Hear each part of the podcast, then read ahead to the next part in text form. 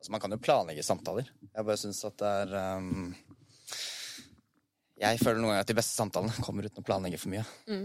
Og så føler jeg at man går i en sånn um, I hvert fall i en podcast, da. Du starter litt et sted, og så bare Havnet. går du litt dypt i det sammen. Mm. Så er det en sånn naturlig slutt på det. Mm.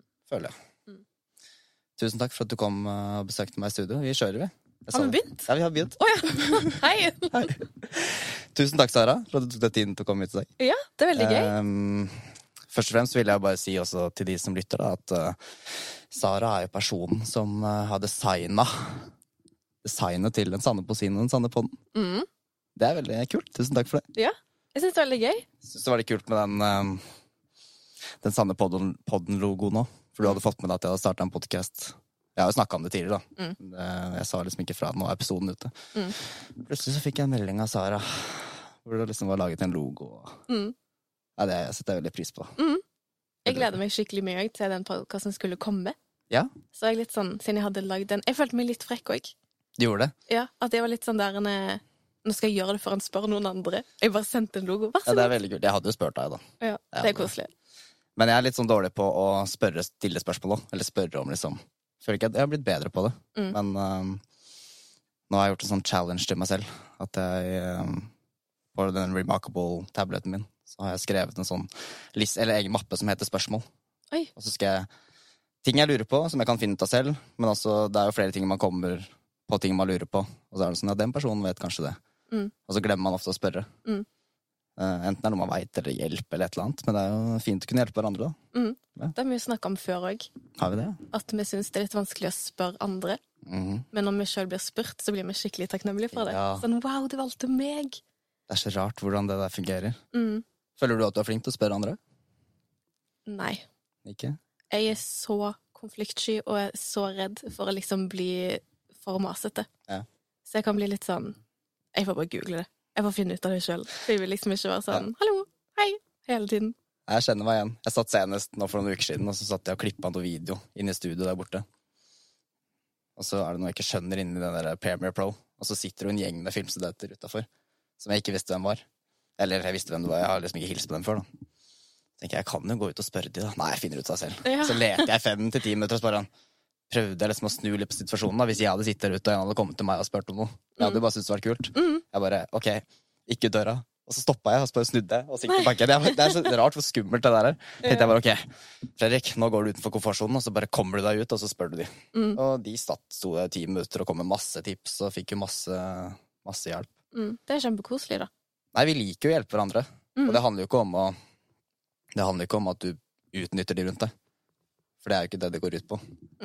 Det handler jo om å ja, Det har jo noe med hvilke personer det er, og så tror jeg det handler litt om hvordan man spør. Men det jeg tenker meg du, siden du kjenner deg igjen, at det kan være litt skummelt å spørre andre, så tror jeg det er det første steget til å ikke være maste. For Mm. da har du i hvert fall bevisst om det. Mm. Jeg tror enkelte som maser veldig mye, de tenker ikke over at de er maste engang. Mm. På samme måte som når folk eh, sier ja, jeg er ikke helt sikker på hva den personen tenkte om meg, fordi jeg tror jeg prata veldig mye, eller så tror jeg da har du ikke gjort det. For da er du i hvert fall litt bevisst på det, Ikke sant? tenker jeg da. Jeg synes det er veldig vanskelig med sånn purring hvis jeg har Ja. spurt. Og så er de Mm. sånn 'Jeg kommer tilbake til deg'. Så klarer ikke jeg å være sånn 'Hallo, jeg venter'. Det Sånn, det får ikke jeg til. Nei, jeg, nei, man vil liksom ikke mase. Man vil ikke være for mye. Mm. Men uh, jeg tenker at de riktige menneskene, de vil at du skal spørre litt. Mm. Og, og så- jeg har jo opplevd det flere ganger at det er jo Noen ganger så kan man kanskje føle at man venter på at noen skal på en måte spørre trenger du hjelp. Men folk vil jo ikke alltid det heller. Mm. Folk vil at du Nei, der har jeg mange, mange fremover som jeg skal ta litt tak i og spørre om litt hjelp. Det er jo Skolen er jo stengt den sommeren her, og jeg har ikke skaffa noe studio. Og så er det jo noen kompiser som har sagt sånn Ja, men bare kom til studio. Men jeg må jo faktisk ta det neste steget. Mm. Du åpner liksom en liten dør, og så må du selv ta steget og bare spørre om hjelp. Hvilke typer spørsmål er det du har skrevet ned? Det er et veldig godt spørsmål. Oi! Så godt spørsmål. Eh, Det første spørsmålet er å spørre min gode venn Vertan og min gode venn Pål om jeg kan komme, finne en dato på når jeg skal komme inn og spille inn en sang. Mhm. Mm. Et annet spørsmål Det er et spørsmål til deg òg, faktisk. Er det sant? Det er et spørsmål om å gi meg noen tips og kanskje hjelpe meg litt med design for litt merch. Uh, Ja. Det er gøy. Nå er jeg frekk da å spørre om det her, liksom. Nå sånn- må jeg si ja. Nei, men jeg, nå bare er jeg helt ærlig. Nei, du må ikke si ja. Jeg, jeg, eh, vi kan prate mer om det seinere òg, for jeg har noen flere tanker om det. Mm. Men eh, jeg bare prøver å tenke på hva jeg skrev på den lista. Eh, det er flere spørsmål òg. Jo, jeg skal spørre Josefine Luna. Mm. Josefine, da. Om eh, tips til markedsføring Oh. av eh, sang og podkast og alt mulig. Mm. Det er Det er de, foreløpig. Mm. Spennende. Jeg tror det er fint å skrive ned generelt. Det. Du også har nevnt det tidligere, at du kan være veldig glad i å skrive ned om det er takknemlighet, eller Mm. skriver du noen andre ting? Eller er det Jeg har falt helt ut. Har du det? Fordi jeg hadde jo et eh, Nå har jeg mista ordet. Hva heter det på starten av året når du lager ting? Nyttårsforsett. Nyttår, Ja. Jeg hadde nyttårsforsett om å skrive takknemlighets, takknemlighetsliste hver dag. Mm. Og det klarte jeg i januar, Ja. litt i februar. Og så datt jeg av. Så var jeg litt sånn å, shit, det må jeg gjøre. Og så huska jeg det, men nå har jeg liksom falt helt ut. Jeg hadde jo en Det har egen liksom ikke bok. kommet inn som en sånn vane, på en måte. Nei, Nei. jeg har en egen sånn bok. Det er en influenser som heter Hanna Martine, hvis du har hørt om henne. Eh, Hanna Martine, det virker veldig kjent. Ja. For hun har en sånn der eh, bok som er en sånn takknemlighetsbok. Ja, okay. Men den er liksom ikke blank. Den er sånn Hva er du takknemlig for i dag? Hva ser du fram til i morgen? Hva Det er liksom masse sånn Så jeg føler det er litt lettere enn å liksom Mm. bare ha en blank side og så bare skrive. Så Men klart, liksom For da får du liksom spørsmålet spesifikt. Hva Mhm. du liksom ja. Og jeg syns det er veldig gøy å bare skrive. Det er sykt teit, men det er sånn Mm. å bare ha ark og penn. Og bare sånn Jeg kan skrive navnet mitt sånn 50 ganger ned, Ja. og bli sånn Å, dette er så gøy! ja, ja. Så kan jeg liksom gjøre det. Men eh, nei, takknemlighetsliste, der har jeg falt helt av. Er det derfor du er så utakknemlig om det? Ja. Går rundt og sur som bare Faen, du går rundt og er så sur hele tida. ja. Nei, men jeg, jeg tror at det er Det er noen ganger man vet at ting er riktig for deg og bra for deg, men så glemmer du på en måte å falle ut Eller du, du faller litt ut av rutinen. Mm. Men jeg tror på en måte at det kanskje er litt sunt òg. At det Mm. ikke skal føles ut som jobb. At det er sånn Jeg har ikke skrevet takknemlighetsliste. Jeg føler ikke helt for å gjøre det, men jeg bare må gjøre det. Da blir jo Ja. det på en måte et nytt stress å putte Mm. på. Um, for jeg også føler det samme på takknemlighetsliste, men også på meditering. At det gjør jeg litt sånn i perioder. Mm. Jeg liker jo å tro for meg selv at jeg sitter 30 minutter hver dag. For jeg veit hver gang jeg har sittet i 30 minutter og meditert, så er hodet mitt rensa. Jeg tenker Mm. mye klarere. Mm. Men så er det bare sånn der, det, er ikke, det er perioder hvor man bare ikke har tid, men kanskje det er sunt å føle på en periode hvor man ikke gjør noe man vet er bra for seg selv. Da. Mm. At det går litt i balanse på det. Det er det samme med meg og yoga. For jeg er sånn 'Å, oh, jeg holder på med yoga', men så er det sånn 'Jeg har ikke gjort det på kjempelenge'. Nei, det er sånn, jeg gjør det en periode, og så er jeg sånn 'Wow, nå er jeg sånn send yogaperson'. Så detter jeg ut av det. Ja. Men jeg sier fortsatt at jeg er det, for jeg er sånn, jeg vil tilbake til det. Ja. Så det er bare Det er jo en liksom manifestering som fungerer på noen måter òg, da. Mm. si at man Jeg har i hvert fall vært sånn på kosthold og sånne ting noen ganger. Hvis jeg sliter med å holde et sunt kosthold, så skriver jeg på de manifesteringslistene mine at jeg spiser bare sunn mat fordi det Selv om jeg spiste en burger og sjokolade Ja. og pizza for, for dagen før, liksom. ja. Men jeg føler at da blir du på en måte litt den energien, da, Mm. som du skriver. Nei, men takknemlighetslist for meg har vært veldig viktig. Mm. jeg syns det har vært mye lettere nå det siste etter jeg fikk den derre Remarkable. Mm. Jeg nevnte den, gjorde jeg ikke det? Mm. Jeg sier det til alle. Ja, du har snakka. Du har nevnt den fem-seks ganger nå, Fredrik, siste uka. ja. Jeg møtte jo på deg når du skulle kjøpe den. Stemmer det? Ja. ja stemmer det. Mm. Jeg skal ut og kjøpe Remarkable. Jeg skal ut og kjøpe Remarkable. ja. Ja, men Jeg følte det var sånn tegn fra universet. Akkurat som det var et tegn fra universet når du var den tredje som sa 'nå må du se Soul', Ja. Disney-filmen. Mm. Samme Remarkable. Mm. Uh, Jenny var jo fra film. Hun uh, var den tredje som på en måte viste meg den Remarkable. Bare, du må fikse den her. Jeg tror ikke det er noe nødvendig for alle. Nei. Jeg tror um, Jeg veit jo ikke, men jeg tror ikke du er en person som liksom kanskje må ha en sånn Nei. for å holde orden. Nei. Men um, for meg har det vært veldig fint, for da slipper jeg å ha seks-syv notatbøker. Mm. Så istedenfor å på en måte sitte på telefonen på morgenen eller på kvelden, så tar jeg opp den. Mm. Sitter og roter i mitt eget hode på Mm. en pad. Det er sånn jeg føler Jeg får veldig fort interesser, men jeg mister de like fort som jeg får de. Mm.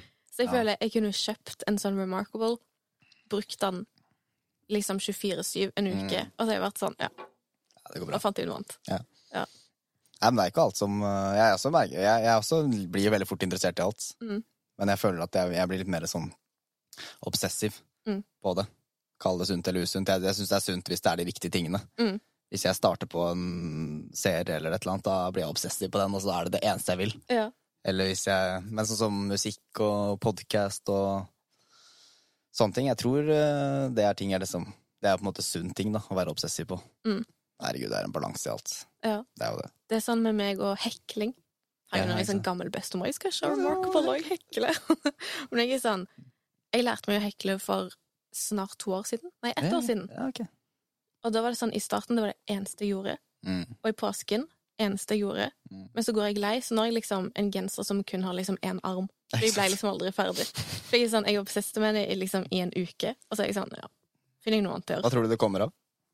Jeg vet ikke. Kanskje jeg har liksom en ADHD-diagnose som ikke har blitt løst. Kanskje vi alle har litt av det? Ja, ja men det Ja. tror jeg faktisk. Fordi jeg har på TikTok, så er jeg på ADHD-TikTok, liksom. Ja, det er det. Det er liksom min algoritme, og jeg kjenner meg igjen i alt. Ikke sant? Men så er jeg litt sånn, jeg føler det er det samme som stjernetegn. Mm. Når du leser ditt stjernetegn, så er det sånn wow, det må jo stemme, for jeg kjenner meg igjen. Mm. Men hvis du leser et annet, du kjenner deg igjen der Ja. òg. I hvert fall sånne, sånne der, uh, typiske ukeblad-stjernetegn. Ja, Liksom. ja. Jeg syns horoskopsen har blitt mer interessant det siste, men jeg skjønner hva du mener. Mm. Men altså, du føler at det er fl- flere ADHD-ting ved deg? Mm. Uh, jeg, tror, jeg tror alle har et lite snev av alt. ja, men det Tror jeg. Ja. For jeg tror vi Jeg har tenkt på det flere ganger. At jeg føler det er så mange sider ved oss mennesker. Og så føler jeg at den siden du mater, det er den siden som vokser av deg. Mm. Og liksom gode ting, onde ting. Mm. Men jeg, jeg har tenkt på det flere ganger at jeg Jeg tror Jeg veit jo ikke, da. Jeg er jo ikke noen nevrolog eller noen ting, jeg har ikke peiling, men jeg har en oppfattelse av at alle mennesker har et lite snev av eh, ADHD. Noen får det bare mer enn andre. Alle har et lite snev av uh, autisme. Mm. Kanskje lite snev av uh, psykopati. Altså, jeg vet ikke, et eller annet Ja, sånt. det gir mening, Ja. faktisk. Eller schizofreni, eller et eller annet. Mm. Og så er det jo veldig vanskelig å vite hva man har, fordi du, du har jo ingen annen erfaring enn din egen kropp. Mm. Så går det gjerne i faser òg. Ja. Og så er det gjerne sånn Jeg husker altså som barn Mm. jeg, var, jeg hadde skikkelig temperament. Jeg var skikkelig sur. Ja, Det er litt morsomt. ja, sant? Kan ikke se for meg. Nei, det er akkurat det. Det er det alle sier. De som har møtt meg liksom voksen alder. Ja. Når jeg sier sånn Jeg var dritsur før, og ble liksom Ja. skikkelig sur.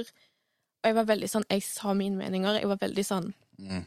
Ja. Mens nå mest konfliktsky personen på planeten. Ikke? Men det tror jeg var fordi en gang så så jeg meg sjøl fra utsiden, så jeg sånn wow, liksom der ble jeg litt sur. Ja. For noe jeg ikke trengte å bli sur for. Mm. Eller sånn oi, der var jeg kanskje litt for direkte, på en måte. ja. Så jeg sånn, sånn kan ikke jeg være, fordi jeg liker ikke hvis folk er sånn mot meg. Så først så var det bare sånn, ok, hvis du blir sur, bare ikke vis det. Og så var det, hvis det er noe som plager deg, ikke liksom, hvorfor gjør du sånn? Men bare prøv å si det på en snillere måte. Så ble det til at jeg ikke sier noe i det hele tatt.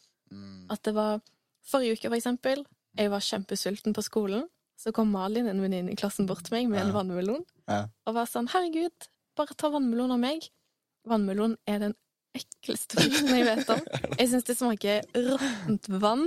Jeg syns konsistensen er rar. Ja. Og da var jeg sånn Jeg klarer ikke å si nei. Fordi hun var så søt og var sånn Herregud, jeg har mat til deg! Liksom, ikke ikke si tenk på det. Ja, så konfliktsky har jeg blitt. Såpass, ja. Før hadde jeg bare vært sånn Å nei, jeg liker ikke vannmelon med takk som byr, liksom. Men nå var jeg sånn Å, tusen takk! Spiste en gang, jeg bare Herregud. Og jeg bare mm, Det smaker sommer. Å, for jeg prøvde liksom å skjule sånn Jeg hater dette.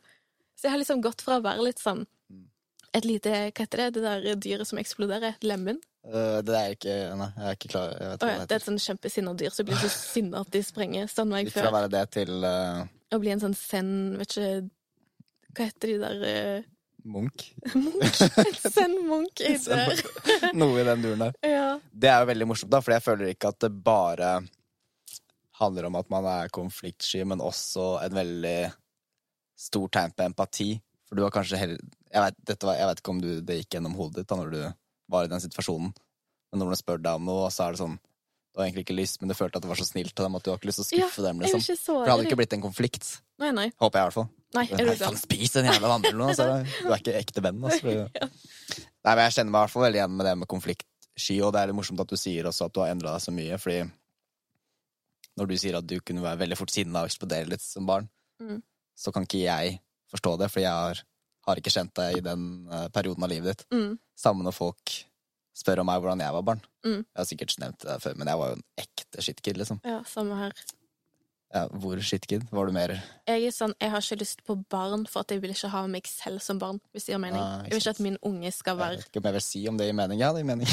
Ja, men forstår du? Ja, jeg skjønner hva du mener. Ja. Så Ja, ja, jeg hadde ikke takla meg det, Og det er så flaut òg, hvis vi er liksom på sånn familiegreier. Så er det sånn Ha-ha, Sara, husker du når du vet ikke, trampa kusinen din på foten og liksom vet ikke, spytta han i ansiktet? Ja, ja. Så blir jeg sånn Å, herregud. Så blir jeg sånn det, Jeg syns det er så flaut. Ja. Og jeg er sånn, tenk at jeg var sånn, for for meg nå så er det så distant, liksom. Mm. Men bare det liksom, jeg, Ja, sånn var jeg som barn, da. Jeg bare Jeg hørte en Jeg ting som var veldig interessant. Uh, jeg vet, Det var en sånn meditasjonsgreie på YouTube hvor du på en måte skulle visualisere deg en ting. da. Og Jeg har ikke hørt den her før, men jeg ble litt mindblown. Og det var at se for deg at du som den personen du er i dag, går inn på jenterommet eller gutterommet som du hadde når du var ung, liksom. Eller veldig eh, ung ungdom eller eldre barn. Um, og så ser du for deg at du har en samtale med den personen, eller deg selv før, til du innser at du er blitt den personen du selv hadde trengt akkurat når du var barn. Du er blitt den voksne personen du trengte som barn. Jeg får Ja, når jeg, når jeg tenkte på det, så tenkte jeg sånn wow, shit. Mm. Fordi jeg også, som deg, var uh, ekte shitkid. Jeg, jeg, hvor skal jeg starte? Jeg Det klarer jeg ikke å se for meg. Samme her. Sånn, Ja, det gjør ikke det? Klarer, nei. Nei. For jeg liksom opplever deg som skikkelig sånn zen, rolig, Ja. og bare veldig sånn Du er alltid sånn Jeg føler uansett hvem du møter, så føler jeg jeg sånn Har de kjent hverandre hele livet? Ja, det er hyggelig. Fordi du liksom snakker sånn naturlig med alle. Veldig sånn 'hallo, hei, Så hei', gir klem til alle. Det er koselig. Mm. Takk for, uh, takk for fine ord. Um, ja, ja, eh, men jeg tror det har litt med at man har på en måte vært på litt andre siden nå. At det er litt sunt. Mm. Fordi barn skal jo på en måte teste ut ting og være litt gærne. Mm. Eh, Det er ingen fasit. Jeg kjenner flere som har vært snille hele livet og er snille i dag òg. Mm. Men jeg har også en liten opplevelse av at når du aldri brøyt noen regler, og du på en måte aldri gjorde noe feil som barn, så kan det være en negativ ting Mm. i eldre alder. Mm. For noen. Jeg veit ikke. Jeg gikk i hvert fall fra så ja, Jeg veit virkelig ikke hvor jeg skal starte, men jeg må jo nevne noe, da, siden du nevnte det med at du trampa på foten til kusina di. Jeg um, spytta på folk. Sånn bare helt ut av det blå så kunne jeg liksom bare være aha. Uprovosert, bare spytta folk Ja. i trynet. Ja. Liksom. Men, men jeg, jeg følte at det på en måte også var litt ukontrollert. Mm. Jeg følte det var tanker jeg fikk inn, og så bare ja, spytta jeg litt.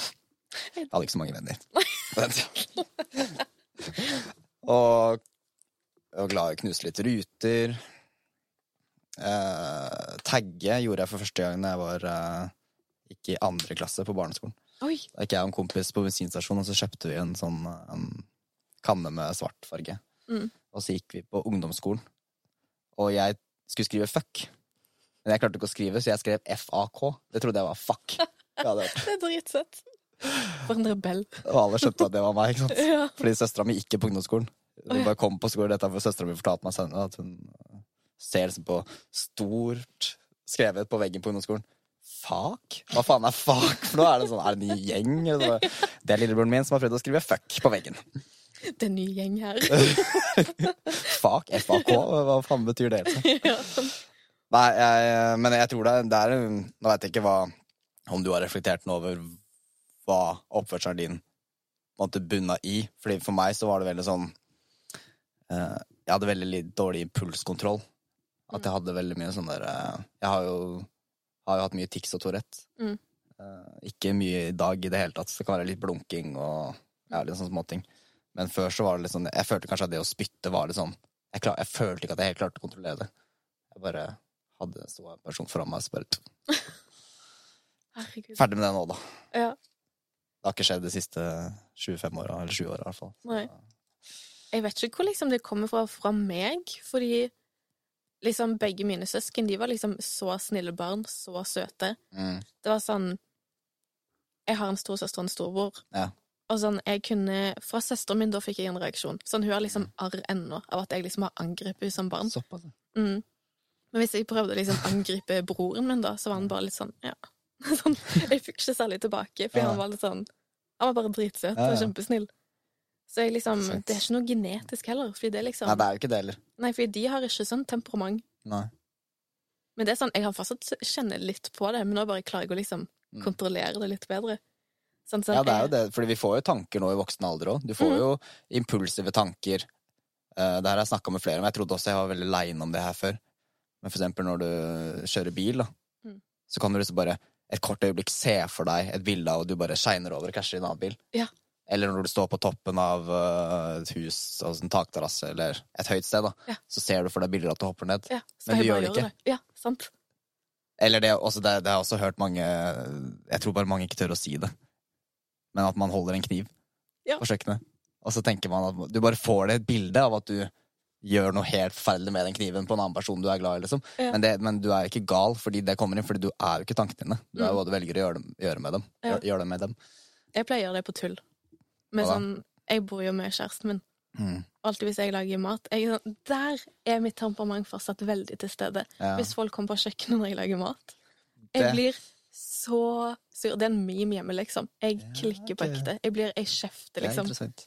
Så Du tar liksom- fram kniven, liksom. Ja, men det er sånn, hvis, jeg, hvis jeg står og chopper noe, da, og han kommer inn, da kan jeg gjøre sånn pft, på Ja. tull. For jeg er sånn, jeg må tulle det vekk, men jeg må fortsatt vise sånn, jeg vil ikke ha det her. Ja, sant? Så bare tar jeg det sånn Inn et lite stikk, liksom. jeg later som at jeg stabber han ut. Vil ikke ha deg her. Ja. Det er Jeg vet ikke helt om jeg vil bli invitert på middag. Så lenge du kommer når jeg er ferdig med å lage mat, Ja, så går det fint. Skjønner. Nei, jeg hadde ikke vært bekymra for det. Nei. Nei, men jeg syns det er interessant, da. For jeg tror, tror det er noe folk snakker lite om. Mm. Det med at man på en måte har tanker, men at du ikke er det. Men det er jo Mm. det du har med barn igjen. At når jeg, sånn, jeg jobba i barnehage, plutselig så fikk jeg et ake, sånn der, eh, det er sånn akebrett med håndtak som du Ja, bare tar i rumpa. Hun bare kom bak meg, en jente på fire-fem år, og bare stælja i ansiktet mitt, liksom. Sånn kunne vondt. jeg gjort som Ja, barn. ikke Ja. sant? Mm. Men da tenker jeg Den praten jeg tok med henne etterpå, da, var at øhm, jeg ble ikke sur. Eller jeg ble sur. Mm. Skikkelig sur. Jeg fikk lyst til å riste filleristen ganger, men jeg, mm, du kontrollerer Ja.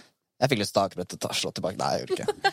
Jeg, det jeg snakka med henne om da, det var litt interessant, for at hun, hun fikk jo en del kjeft, så jeg tenkte bare sånn å ta en litt sånn ordentlig samtale, hvor jeg snakker om det med tanker. At selv om du får en idé eller tanke om å gjøre noe, så prøv å tenke over Vil det her være en god ting for meg og den andre personen, eller vil det være en dårlig ting? Mm. Uh, og da fikk jeg begynt å tenke litt. Jeg følte at den oppførte seg bedre Mm. etter det. Det er veldig bra av hun da, å liksom forstå hva du faktisk prøvde å si. Siden hun er liksom et lite Hvis noen hadde sagt det til meg, Ja. så hadde jeg vært sånn OK. Fuck Og så sånn, jeg bare Slutt med den Ja, ja. talen din. Ja, jeg tror uh, Det her veit jeg jo ikke, da. Men jeg har en følelse av at barn i dag har en større bevissthet mm. enn vi hadde når vi var barn. Eller Ja, men det tror jeg på. Jeg tror det. Mm. Jeg vet ikke hvorfor, jeg bare føler jeg har så mange dype samtaler med kids. Mm. Som jeg bare Her, her snakker ikke jeg med foreldrene mine om engang, liksom. Nei. Jeg vet ikke hva det kommer av. Mhm. Men vi utvikler oss hele tiden, da, vi Mm. mennesker. Vi kan jo mer ting. Jeg har prøvd å sammenligne det med andre ting, for eksempel eh, Jeg har vært veldig interessert i skateboard. um, og generell eh, ja, FMX-sport og sånne ting. Og så ser jeg at de unge i dag Altså, det er jo skateboardere på 12-13 år i dag som gjorde mer enn proffskaterne mm. på 30 år for 20 år siden. Mm. Jeg føler liksom de ser hva som er mulig, da. Mm. Men jeg vet ikke, men når det gjelder liksom det spirituelle og sånne ting, så føler jeg at øhm, Jeg har jo en ung øh, jente i familien min som jeg har sånne dype samtaler med. Hun er syv år, liksom, og har så mye sånn Hun kan mindfucke meg noen ganger, liksom. Mm. Bare, hvor, hvor kommer alt det her fra? Mm. Ja, det er veldig interessant. Ja. Og jeg tror også at barn forstår mer enn man tror. Sånn, jeg Ja. husker for eksempel Min farmor døde når jeg var syv eller Mm. åtte. Jeg skulle bli åtte. Mm. Så husker jeg før, for da var jeg jo ikke sånn dritunge, så før vi skulle i begravelsen, så var pappa veldig sånn Ikke tullene mine der. Ikke noe liksom Ikke lag et show eller noe. Nei. Da skal jeg tenke hva er det du tror om meg? liksom tror, Liksom, jeg forstår at begravelse er en trist ting, der du skal liksom respektere og liksom sitte stille. sant.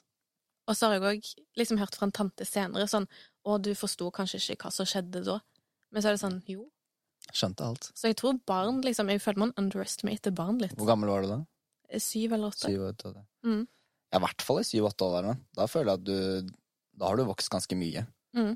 Jeg føler egentlig fra sånn fire-fem så skjønner man uh, Det er jo det barn gjør, da. De er jo de beste på å observere. For det er jo Mm. alt de gjør de første åra. Du observerer, på en måte. Mm.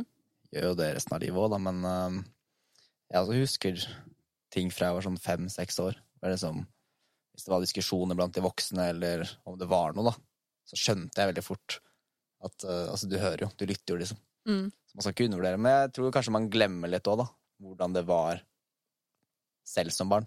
Mm. At du tenker at når du ser en femåring, da, så husker du ikke så mye fra du, når du var fem år. Mm. Men de Du husker jo sikkert når du var ti-elleve år og du begynte å føle deg voksen, liksom. Mm. Jeg gjorde i hvert fall det. Mm. Jeg var sånn Å, da er jeg ti år, liksom. Shit, nå nå er jeg voksen, ass. Ja. Eller når jeg var 18, Mm. følte jeg meg jo skikkelig selvstendig Ja. og ferdigutvikla og alt. Mm. Så ser jeg på 18-åringer i dag. Eller ser på meg selv tilbake som 18-åring og tenkte på herregud, for en unge, liksom. Ja, ja. Det synes jeg er så rart, for jeg òg følte meg skikkelig voksen før. Mm. Men nå har det snudd at nå føler jeg meg så liten. Ja. At liksom nå er det sånn Sånn som nå er jeg liksom ferdig på skolen og liksom skal begynne å liksom jobbe. Og nå er jeg sånn Jeg kan jo ikke det, for jeg er jo et barn. Ja? Men når jeg var vet ikke, 15, da var jeg sånn Å, herregud. Ja. Jeg er så voksen. Jeg vet alt. Mm. Så det er skikkelig rart hvordan det liksom Ja, så føler, jeg føler jeg er et barn jeg, som leker voksen. Ja, ja, men faktisk. At jeg er et barn som leker voksen i en voksen kropp. Mhm. Jeg husker også når jeg var liten og liksom lekte med Barbie. Så husker jeg alltid at min Barbie var alltid 18 år, og hun var gift og hadde to barn. Fordi jeg tenkte at du er voksen når du er 18. Ja, ikke sant? Så da var det liksom sånn Mm. Det er dritrart. Eller bare Når jeg var liten og så folk som var russ. Ja. Det var det voksne, liksom. Skal ikke du si det? Ja. Jeg husker når jeg hadde noen naboer som var russ når jeg gikk i fjerde-femte klasse. Mm. Jeg så liksom på dem, og det var, det er voksne mennesker. Jeg så ikke så mye forskjell på de og Jeg så jo forskjell på de og foreldre, men jeg følte at de, liksom, de var jo på en måte samme størrelse. da. Mm, Og det her er jo voksne mennesker, liksom. ja. Og når jeg ser på russ i dag, så tenker jeg liksom, ja, det er jo gjeng med kids da, som drikker og fester. ja. Koselig, det, da. Herregud, vet du hva som skjedde med meg i går? Nei. Jeg ble stoppa på gata av plan. Planfadder. Ja. Mm. Men du må være 23 eller noe for å kunne signere. Mm. Så spurte han meg hvor gammel er du? Så jeg jeg blir 25. Og han bare wow, du holder deg godt. Jeg bare hæ? Liksom, hva skal det bety? Bare sånn, Du er ikke gammel når du er 25. Jeg bare wow, du holder deg Ja, godt. du ser ut som du er 17, liksom. Ja, så Veldig bra, sånn, Sara. Jeg bare, hva mener du? Jeg syns det er så rart. Ja, hva mente han? Hva, hva ble Vet ikke at jeg så ung ut da for å være 25, men så tenkte jeg man er jo ung når man er 25. Ja, jeg, vet, jeg, føler, jeg føler at den Det er ikke et kompliment når du er 25. På en måte. Det er et kompliment når du er 50, liksom. Eller 40, eller hva, Ja, ja. whatever. Det er dritrart. Du holder deg bra. Ja. Det, det er veldig morsomt. Nei, men det, du ser jo Nei, jeg syns du ser ut som 25. jeg. Kanskje han prøvde å sjekke det opp. Kanskje. Men nå ble jeg litt sånn Ser jeg ut som jeg er 25? Nå ble jeg litt sånn offended av det. sånn å, jeg tror jeg er så yngre. Nei, jeg, jeg veit ikke. Jeg syns, eh, det med alder kommer veldig av Eller kommer veldig an på mindsettet. Mm. Jeg føler at en person kan se eldre ut, Mm. men så, hvis det på en måte er umodne på enkelte måter, så føler jeg at det gjør dem yngre. Mm. Og motsatt. Hvor gammel er du mentalt? Det kommer an på når du spør meg. Hadde du spurt meg for fire uker siden da jeg brakk tommelen min på nattklubb, så følte jeg var 15. Full og skulle tøffe meg. Uh, akkurat nå i dag og Det var et godt spørsmål, ingen stilte meg før. Mm -hmm. uh, hvor gammel jeg føler meg mentalt. Ja, nei, det, det kommer an på på en måte hvor man spør, for jeg kan bli veldig barnslig. Mm. Og så kan jeg føle at jeg er veldig moden i enkelte, enkelte sammenhenger. Mm. Hva med deg? Har du tenkt på det? Jeg føler, jeg føler jeg er en gammel dame, liksom. Mm. Sånn på ekte. Jeg husker ikke særlig sånn på videregående. Når det var sånn 'Hoho, 'Endelig kan vi dra ut når vi er 18', så husker jeg tenkte sånn Ja, men jeg vil ikke. Jeg vil bare være hjemme og se på Friends. Ja, liksom, jeg, vil, jeg husker jeg sa til mamma sånn Jeg gleder meg sånn til jeg blir 30. For da er det sikkert ikke press på å måtte gå ut hele tiden. sånn, jeg vil bare liksom Ja, jeg vet ikke. Jeg bare føler jeg er en gammel sjel. Ja, men det, og det føler jeg er interessant, det der med sjel. Mm, For jeg, jeg føler også at jeg kanskje er en gammel sjel. mm, Hva nå enn det kommer av. Men det, det er noen jeg føler på en måte at er veldig modne og sånn, men jeg føler meg unge i sjela. mm, Men eh, Og det, det føler jeg kommer kanskje mye av eh, tålmodigheten man viser til andre, kjærligheten og empatien. Mm. At man er litt mer um, humble, da. Eller Mm. ydmyk. Mm. Eh, men så har jeg jo flere i klassen nå som er En av de jeg på en måte har mest kontakt med klassen, han er jo 21. Men jeg har aldri tenkt på det, liksom. Nei. Og det er Men så er det noen du møter på 21 som du tenker «Oi». Det er folk du møter på 40 òg, som tenker sånn Mm. Herregud, er du 40? Men jeg føler at det kommer an på uh, situasjonen. Um, for jeg føler meg veldig voksen i forståelse av andre mennesker. Uh, og det å vise respekt og på en måte se på alle som at alle er like verdt, da. Vi er alle en Mm. liten del av hverandre. Mm. Men hvis jeg er i en familiebursdag, da leker jeg med kidsa. Mm. Jeg sitter ikke med de voksne og prater. Mm. Men det er jo også, det kommer an på samtalene som foregår òg, da. Man er ikke interessert i alt mulig. Ja. Men jeg er veldig glad i å leke. Mm. Det så der er jeg barnslig. Der er ikke jeg. Jeg er sånn, Hvis det er barn, så blir jeg stressa. For jeg er sånn, å nei, tenk hvis ungen snakker til meg. Det klarer ikke jeg. Det er ikke det. Nei. Det var sånn eh, Jeg husker den kusinen min, når hun hadde unge som var veldig liten, Mm. så husker jeg jeg sa til foreldrene mine sånn Hvis liksom hun har lyst til å leke, ikke si 'Kanskje Sara skal ta med deg', og bla, bla, bla, bla. For jeg var sånn det Og du sier ikke nei heller. Jo, det er akkurat det. Jeg klarer ikke å si nei. Men jeg bare, jeg vet ikke hva det er. Jeg bare har aldri liksom hatt kjemi med barn. Nei. Jeg får det ikke til. Men føler du at det er, kommer også an på barnet, eller tror du det generelt er Det har ingenting å si, sånn hvem ungen er. Og det er til og med sånn Jeg har jo liksom kusinene som har barn og liksom babyer. Jeg syns de er kjempesøte, og jeg skulle ønske at jeg kunne liksom hi, bare plukke de opp og løpe rundt med de, men jeg bare får det ikke til. Nei? Det er bare noe inni meg som Ja. Hva er det du føler, da? Du, er det liksom at man har et ansvar, eller er det bare at det ikke at det blir for mye? Det er veldig, det er veldig mye energi, da. Ja. Det veldig, kan være veldig masete. Ja. Fordi de maser jo.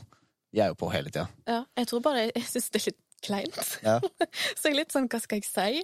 Mm. Kan, liksom, hva snakker du med noen om? Og så er jeg sånn, jeg orker ikke å lage den der stemmen. Nei. Den der 'Å, hi, så Nei. stor du har blitt', Ja. å Det er veldig rart, for jeg får det til med hunder.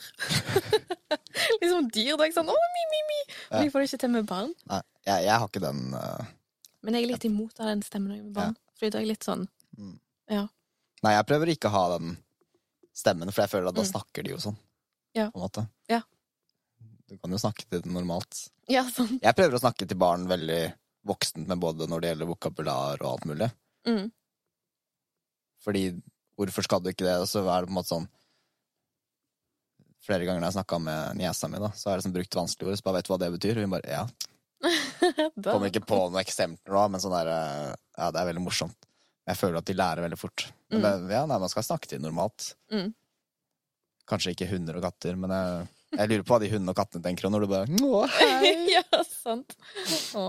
Og så er det så morsomt med enkelte som jeg kjenner noen som har hund og katt, som på en måte sliter med å de glemmer å legge fra seg den stemmen. Så jeg har vært med hund eller katt så veldig lenge, og så bare Hei, Fredrik! Ja. Jeg, bare, jeg er ikke katt og hund, altså. Det går bra, liksom. Ja, det er gøy. Nei, man kan snakke normalt, men uh, Ja.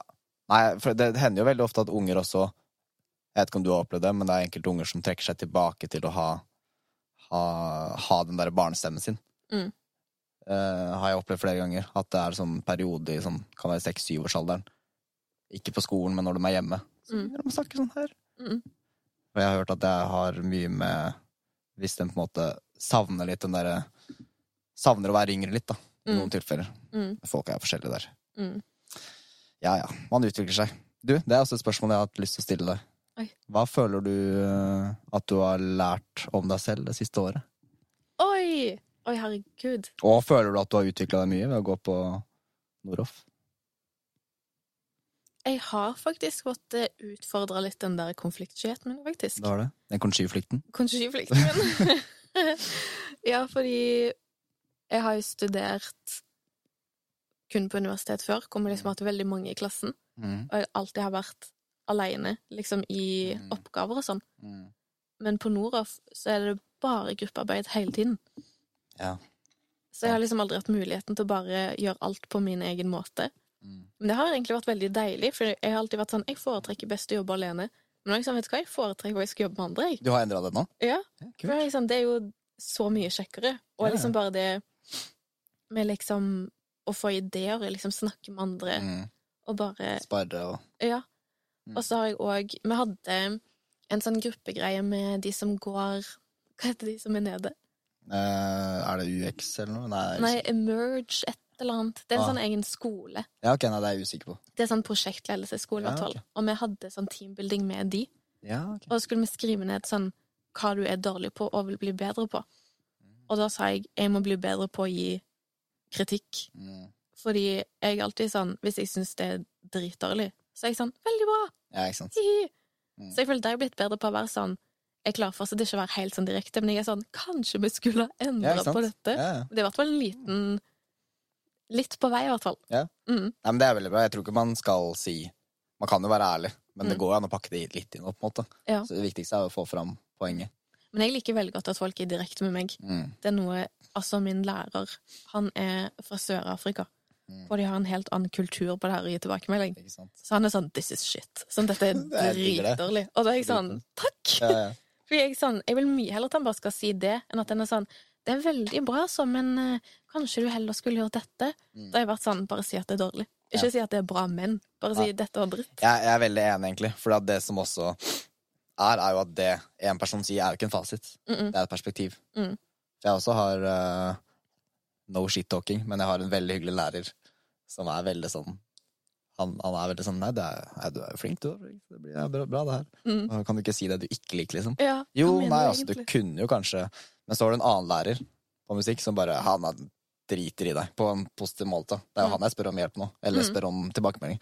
Han bare Nei, det er start på noe annet, eller Mm. Og det er ikke en fasit. Det er på en måte et perspektiv. Mm. Hvis du spør ti stykker om en tilbakemelding nå, så vil du få ti forskjellige tilbakemeldinger. Mm. Noen vil digge det, og i hvert fall når det gjelder liksom kreative fag, da. Mm. For da er det ikke noe fasit. Det er ikke alle ting alle relaterer seg til. Mm. Sånn er det bare. Mm. Men det er kule ting å lære seg, da. At man uh, er mer direkte selv, men også liker det å jobbe i team, for det har jeg også veldig Det har jeg merka veldig tydelig selv, for vi også har blitt pusha veldig mye og blitt satt i grupper Mm. med folk vi ikke kan velge selv engang. Ja, Så både lære det og jobbe med folk du kanskje ikke helt har den aller beste kjemien med, men få det til å funke likevel. Mm. For det er også en styrke Mm. å kunne jobbe med mennesker du ikke på en måte kanskje ville valgt selv. da. Ja. Og det er når du kommer til å møte i livet senere. Uten at du tvil. liksom Dere må jobbe Mm. sammen, OK. Men jeg liker ikke han. Ja, men det Men det er utenfor komfortsonen. Men det er jo det Mm. som er så bra. mm. For jeg merka jo året før jeg gikk på Noroff, eller årene før, så satt jeg jo bare aleine hjemme Mm. og jobba med mitt. Mm. Og det er, så, det er så komfortabelt, for det er ingen som presser deg på hva du skal gjøre, når du skal gjøre det, hvordan du skal gjøre det. Mm. Men når du er i gruppearbeid, så blir du på en måte litt mer påkobla. Mm. Og når du får til den, eh, den evnen til å kunne se ting fra andre perspektiver, så åpner du deg selv veldig opp på det. Så jeg tror det gjør at du da senere blir også flinkere når du jobber alene. Mm. For da tenker du lettere at hm, hva ville kanskje en annen tenkt her? Mm. Altså, jeg har også blitt mye mer glad i å jobbe i team etter å ha Mm. gått på Noroff. Men jeg liker også å jobbe den, da. Mm. Ja, det er sånn jeg alltid skriver på CV-en sånn Er selvstendig, men jobber også bra i team. Jeg er fortsatt litt sånn Det er jo litt deilig å jobbe alene. Ja. For jeg kjenner Jeg savner det liksom ikke, men samtidig så er jeg litt sånn Jeg skulle ønske jeg hadde noen oppgaver på skolen hvor liksom jeg kunne gjort ting helt alene. Har du ikke hatt noen? Ingenting. Vi har bare hatt gruppearbeid. Det syns jeg egentlig er litt rart, Mm. skal du være ærlig. Mm. Nå, du ikke, nå har ikke jeg gått gjennom pensum med dere, men jeg vet jo hva dere har drevet med. Mm. Jeg tenker at det er jo lurt å ha litt litt individuelle oppgaver òg, da. Mm. Vi har lettere fått til musikk fordi vi Hvis vi har en gruppearbeid hvor vi skal på en måte produsere en låt, da, så kan vi Da har vi ofte liksom Hvis vi har to uker på oss, så har vi sagt nå sitter vi en uke aleine, Mm. jobber med våre ideer, og så møtes vi og viser det til hverandre og sånn. Mm. Og jeg tror det ja, kan være lurt å ha en balanse på det, for det er viktig å kjenne seg selv godt òg, da. Hvordan du ønsker å jobbe, og det utvikler seg også hele tiden. Mm. Men uh, ja, godkjent svar i hvert fall. Mm. Godt å ha uh, følt på litt utvikling. Ja. Jeg føler i hvert fall at man utvikler seg så mye ved å gå på skole. Dette er første gang jeg gjør noe skole uten, etter videregående. Å, er det sant? Mm. Har du gjort mer skole? jeg har bare gått på skolen, jeg. Du har bare gått på skolen, du? Ja, jeg har gått på skolen siden 2004. Ah. Ingen pause. Ingen pauser. Nei. Hva er det du gikk det- før eh, Jeg gikk først interkulturell forståelse i Bergen. Og så gikk interkulturell forståelse? Ja. Det hørtes uh, dypt ut. det er veldig spennende. Ja, det tror jeg på. Og så gikk jeg historie i Kristiansand. Ja. Og så tok jeg en bachelor i oversetting og interkulturell kommunikasjon. Det husker jeg du har sagt. Og så kom jeg hit. Så jeg har studert i seks år. Wow. Mm. Mye kunnskap i deg, da. ja. Vi, vi snakka jo litt om det før podkasten. Det med å føle at man stiller et spørsmål. Ok, kan jeg egentlig det her? Er jeg Mhm. egentlig klar for de situasjonene jeg blir satt opp i i livet nå? Mm. Og det syns jeg er så interessant, fordi du, du lærer noe nytt hver dag. I hvert fall hvis du er åpen for det. Og så blir jo det på en måte fort den nye standarden. Så du tenker ikke over det. Mm. Jeg har også tenkt på det flere ganger at det er sånn, noen ganger stiller jeg spørsmål er jeg egentlig flink i det jeg driver med. Fordi det du veit, det er jo selvsagt. Mm. men andre har ikke fått med seg det samme. Ikke sant? Det var ikke sånn, jeg var eh, på sånn der event, sånn markedsføringsevent, eh, tidligere i vår. Og når jeg var der, så tenkte jeg sånn, dette var veldig dårlig, Mm. dette eventet. Ja. Så snakka jeg med læreren min om det. Og så var han sånn, var det dårlig, eller er det bare at du liksom kan alt de snakker om? Og det var ikke sånn Jeg bare, shit, Ja, det er jo det. Mm. Sånn, fordi det de sa, det var ikke sånn, dette vet jo alle. Mm. Men så er det sånn, alle vet ikke det. Det er bare det at jeg har faktisk lært. Kult. Så det var veldig spennende. Jeg har tenkt på det flere ganger. Jeg, hvis jeg vil dele noe budskap eller noe, enten jeg vil gjøre musikk eller tekst, så er det sånn Ja, bryr folk seg egentlig? Er ikke det noe alle veit? Men det, det er ikke det, altså. Mhm. Men derfor kan det være fint å Det har jeg ikke tenkt på før nå, egentlig. Men også skrive litt lister Kanskje ikke en gang i uka, men en gang i måneden. Og Liksom gå igjen og skrive litt hva er det jeg har lært om meg selv og andre, Mhm. og faget jeg interesserer meg for. Mhm. Og så kan man gå tilbake i det senere og minne seg selv på hvor mye man har utvikla seg. da. Mhm. Fordi hvis man ser tilbake fem år versus nå, da skjønner man at man har utvikla seg masse. Mhm. Og Hvis jeg ser tilbake på meg selv fem, fem år siden, så fuff. Det sånn. Men du kan jo ha perioder hvor du føler deg Noen dager føler du deg veldig bra, andre ganger føler du deg veldig dårlig. Og på de dårlige dagene så kan jeg fort noen ganger tenke at nei, jeg var mye bedre for to måneder siden. Mm. Nå går det nedover, liksom. Mm. Men det går jo litt sånn.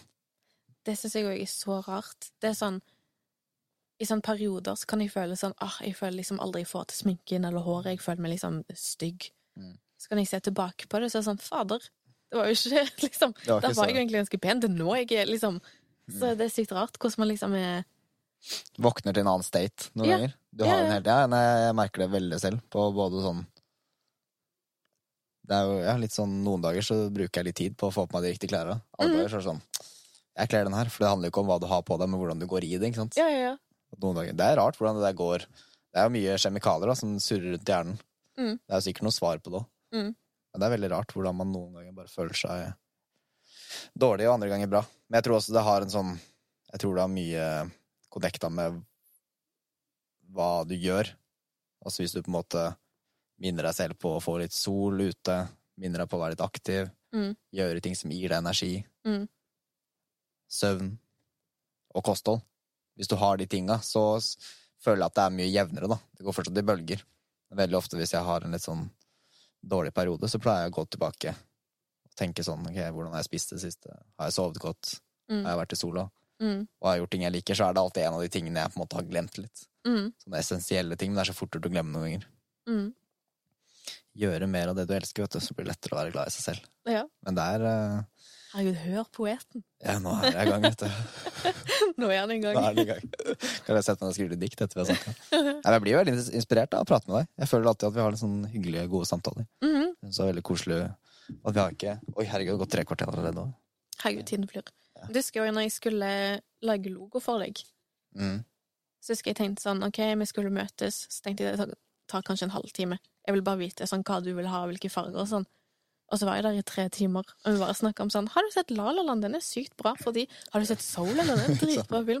Herregud, sånn energier og sånn. Det er veldig spennende. Er veldig fordi, spennende. ja, så liksom Ja. bare havna vi inn i en sånn der Loop. Ja, så sånn. sjekker du klokka, og så er det sånn Oi, det har gått tre timer, ja. Ops. Ja, det, da satt vi lenge, ass. Mm. Og var skravla. Det var sånn Siste kvarter, da, da sjekka vi logoen. da. Ja, det var sånn Kanskje vi skal begynne å jobbe nå? Ja.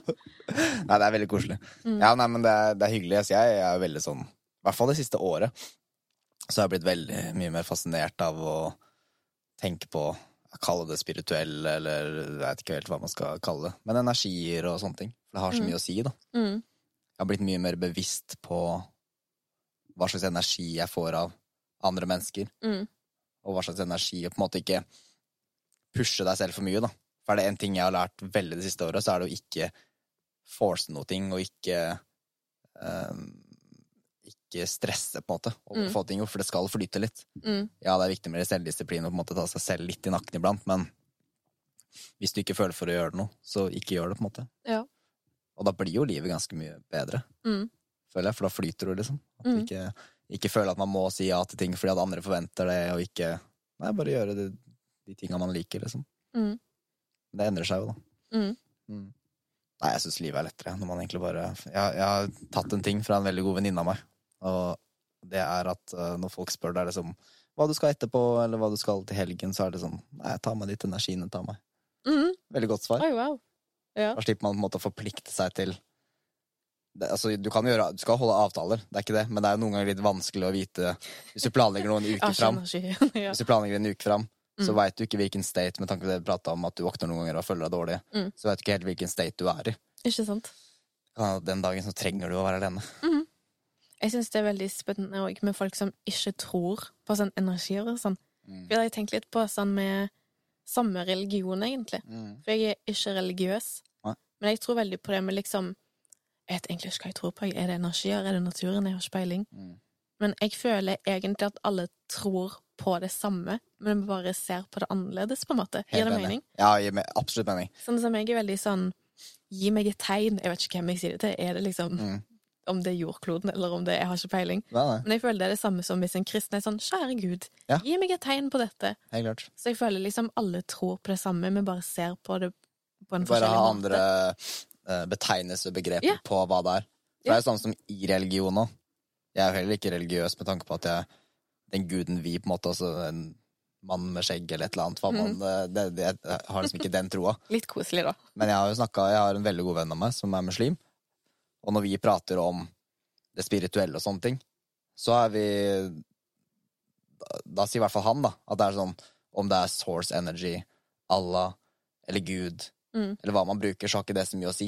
Mm. Og det er jeg så enig i, for at for meg så er det Jeg syns source energy er fint, liksom.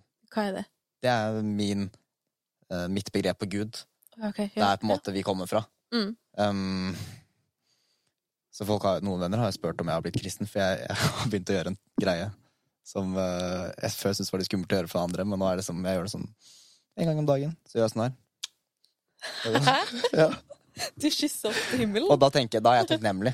Da Ja. sier jeg bare inni meg takk for at jeg får mulighet til den dagen her, og takk for uh, de fine menneskene rundt meg. Og... Herregud, så sykt. Men jeg vet ikke, som du sier, så vet jeg ikke hvem jeg sier det til. Nei.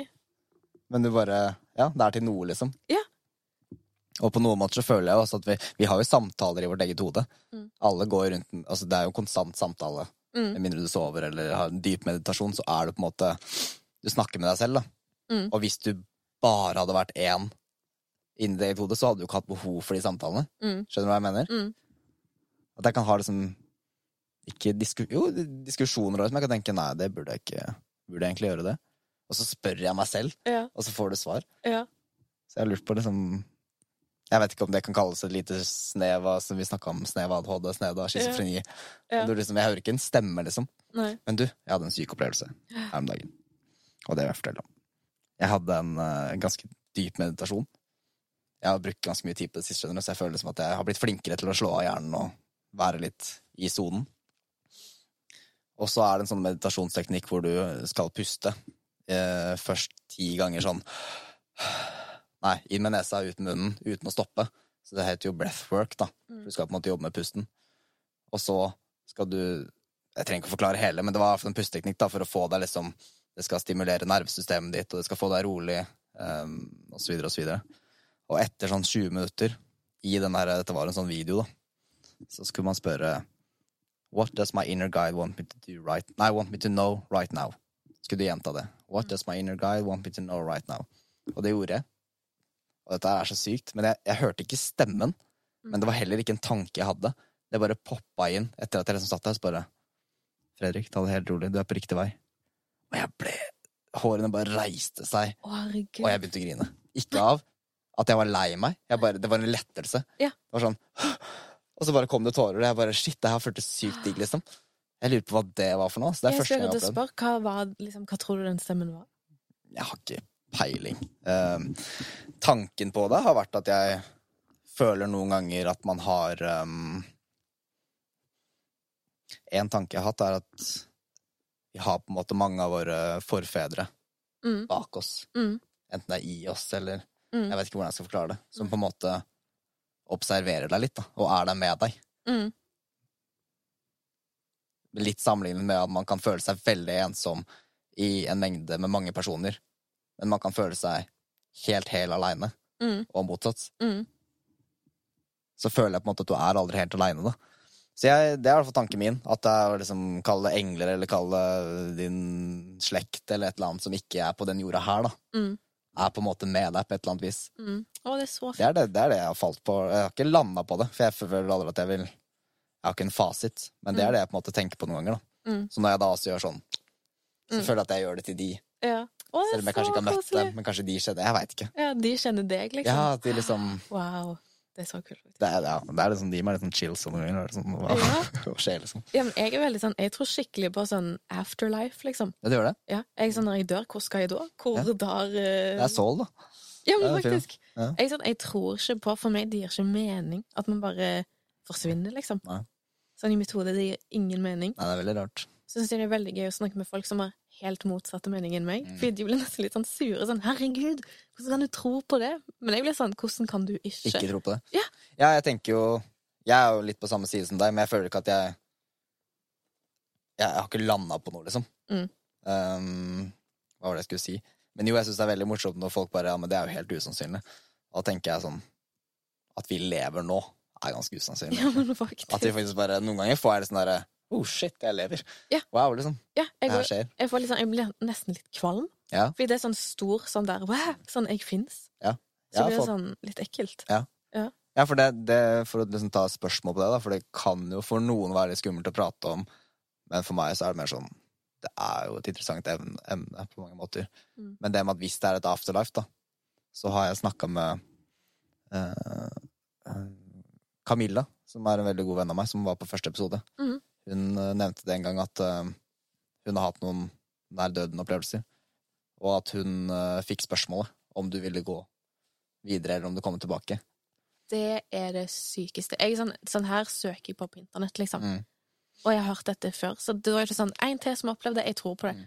For det er sykt mange som opplever Ja, de opplever at de kommer til sånn For det første, de føler seg sykt rolig. De er ikke redde, liksom. Mm. Og så møter de gjerne en de kjenner i kalde himmelen, da. Mm. Ikke at jeg tror på himmelen, men ja. Hvor enn de havner. Ja. Og så er de sånn Vil du bli med meg, eller vil du tilbake? Mm. Og så er de sånn Jeg er ikke ferdig ennå, jeg må tilbake. Så blir de sendt tilbake, så våkner de, liksom. Og det blir ikke sånn Med, og da er det liksom med de konsekvensene. Hvis du har vært i en bilulykke, for eksempel. Mm. eh, Dette har jeg snakka med flere om. Så er det at du får jo skader deg veldig. Mm. Men du får spørsmål tilbake, men da må du også leve med de konsekvensene det har. mm, Enten du må sitte i rullestol Ja. Da får jeg sånn wow. Mm. Det er veldig interessant. Ja. For jeg, jeg er litt sånn ambivalent til de tankene om livet etter døden. For det jeg også på en måte har tenkt noen ganger, er sånn ja, men Hva om det er evig, da? Er det, hva Mm. ville du valgt, på en måte? Aldri Ja. bli født eller leve for alltid? Ja. Og for meg så går jo det opp og ned. Mm. Noen dager så tenker jeg å, jeg er så takknemlig for livet. At jeg ble født. Mm. Jeg vil aldri dø, liksom. Mm. Så andre dager så tenker jeg det sånn «Ah, Det kunne holdt den gangen her. Det går liksom opp og ned, da. Ja. Men uh, det er jo det fine ved det, at det går i bølger. Mm. Men uh, nei, jeg vet ikke, ass. Hva, men det er, det er mye ting jeg føler jeg har liksom oppdaga med meg selv og i den spirituelle verden som har gitt meg veldig sånne der, eh, åpenbaringer, da. I hvert fall det siste året, for jeg har truffet så mange andre mennesker som ikke syns det er noe rart å prate med i det hele tatt. Mm. Og det starta vel egentlig med, med lucid dreaming, når jeg liksom gjorde det litt regelmessig og var i drømme i drømmer og kontrollerte drømmene helt til punkt og brikke. Mm. Og det føles helt virkelig. Mm. Så da tenkte jeg liksom, det er jo noe mer i oss. Mm. Det er jo mye mer i oss enn det vi kanskje har blitt fortalt. da. Ja, men det er akkurat det. Fra det til å se aura, det gjorde jeg for første gang nå for noen uker siden. Og det er jo, Men det er jo noe alle kan.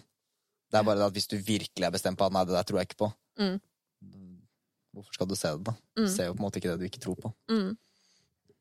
Så jeg har sittet hver morgen jeg på baden og sitter sånn og bare wow. Ser jeg på liksom energifeltet rundt hånda. Får du det til? Ja. Det har jeg aldri hørt om engang. Har du ikke? Vent litt. Du ser Aura. energifeltet rundt Mm. hendene dine. Mm. Hvordan ser det ut? Eller Eh, sånn, hva er det? det er, hva det er, er jo at Altså, det veit man jo på en måte scientific, liksom, at vi har et energifelt rundt oss. Mm. Men det jeg gjør uh, Jeg var med en venninne av meg som på en måte har sett det her helt siden hun var barn, og det var helt naturlig for henne. Så hun gikk jo rundt og Jeg kommer inn på det, hvordan jeg gjør det. Uh, men hun så jo på en måte auraer rundt mennesker. Helt naturlig. Hun trengte liksom ikke jobbe noe for det.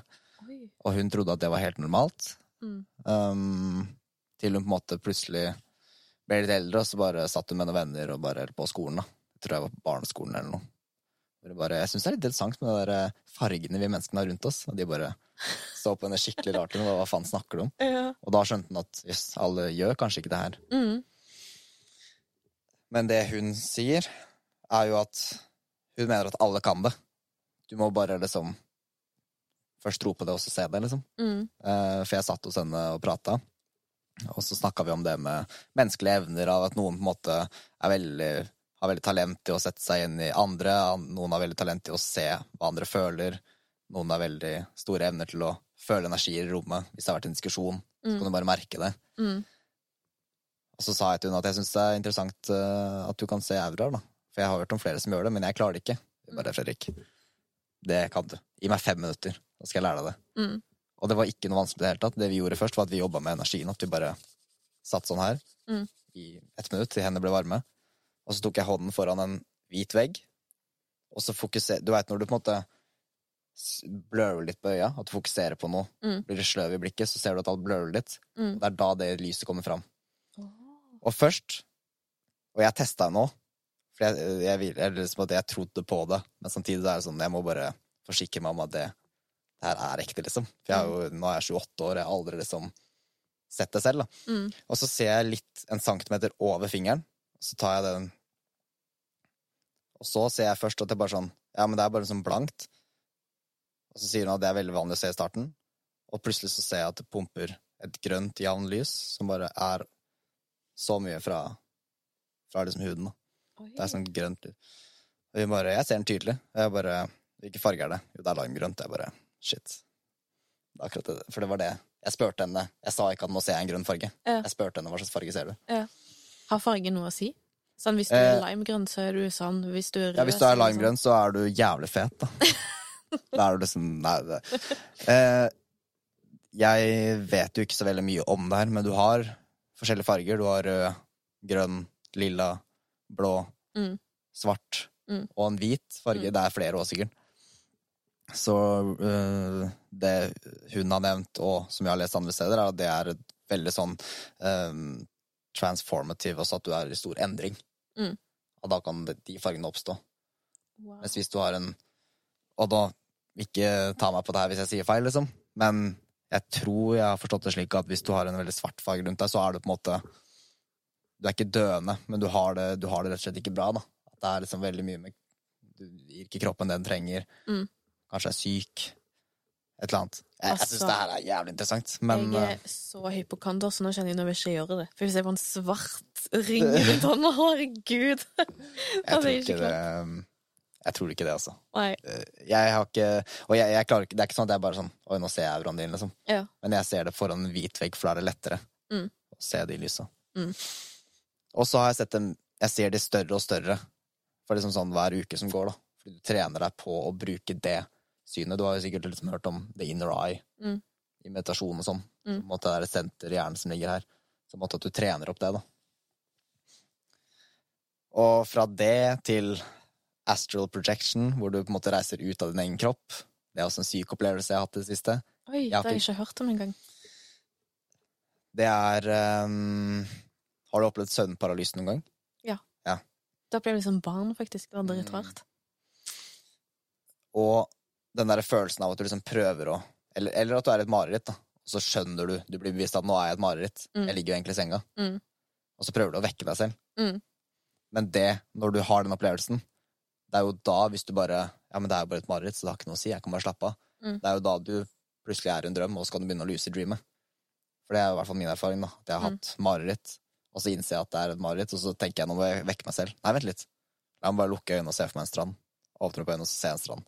Oi! Herregud. Og det samme er det med søvnparalyse. da. Jeg tror folk har forskjellige erfaringer av det her, men jeg har et sånn marerittstate hvor jeg er i rommet, og så begynner rommet å riste, og så blir det en veldig høyfrekvent lyd. Herregud. Og da har jeg blitt veldig redd. Ja, det forstår jeg. Men når jeg har fortalt det til folk som driver med uh, astral projection, projection, så sier de at, sa de til meg at det er starten på en at, følelse ut av kroppen-opplevelse. Mm. At du reiser ut av kroppen din. At Mm. bevisstheten din liksom går utenfor. Mm.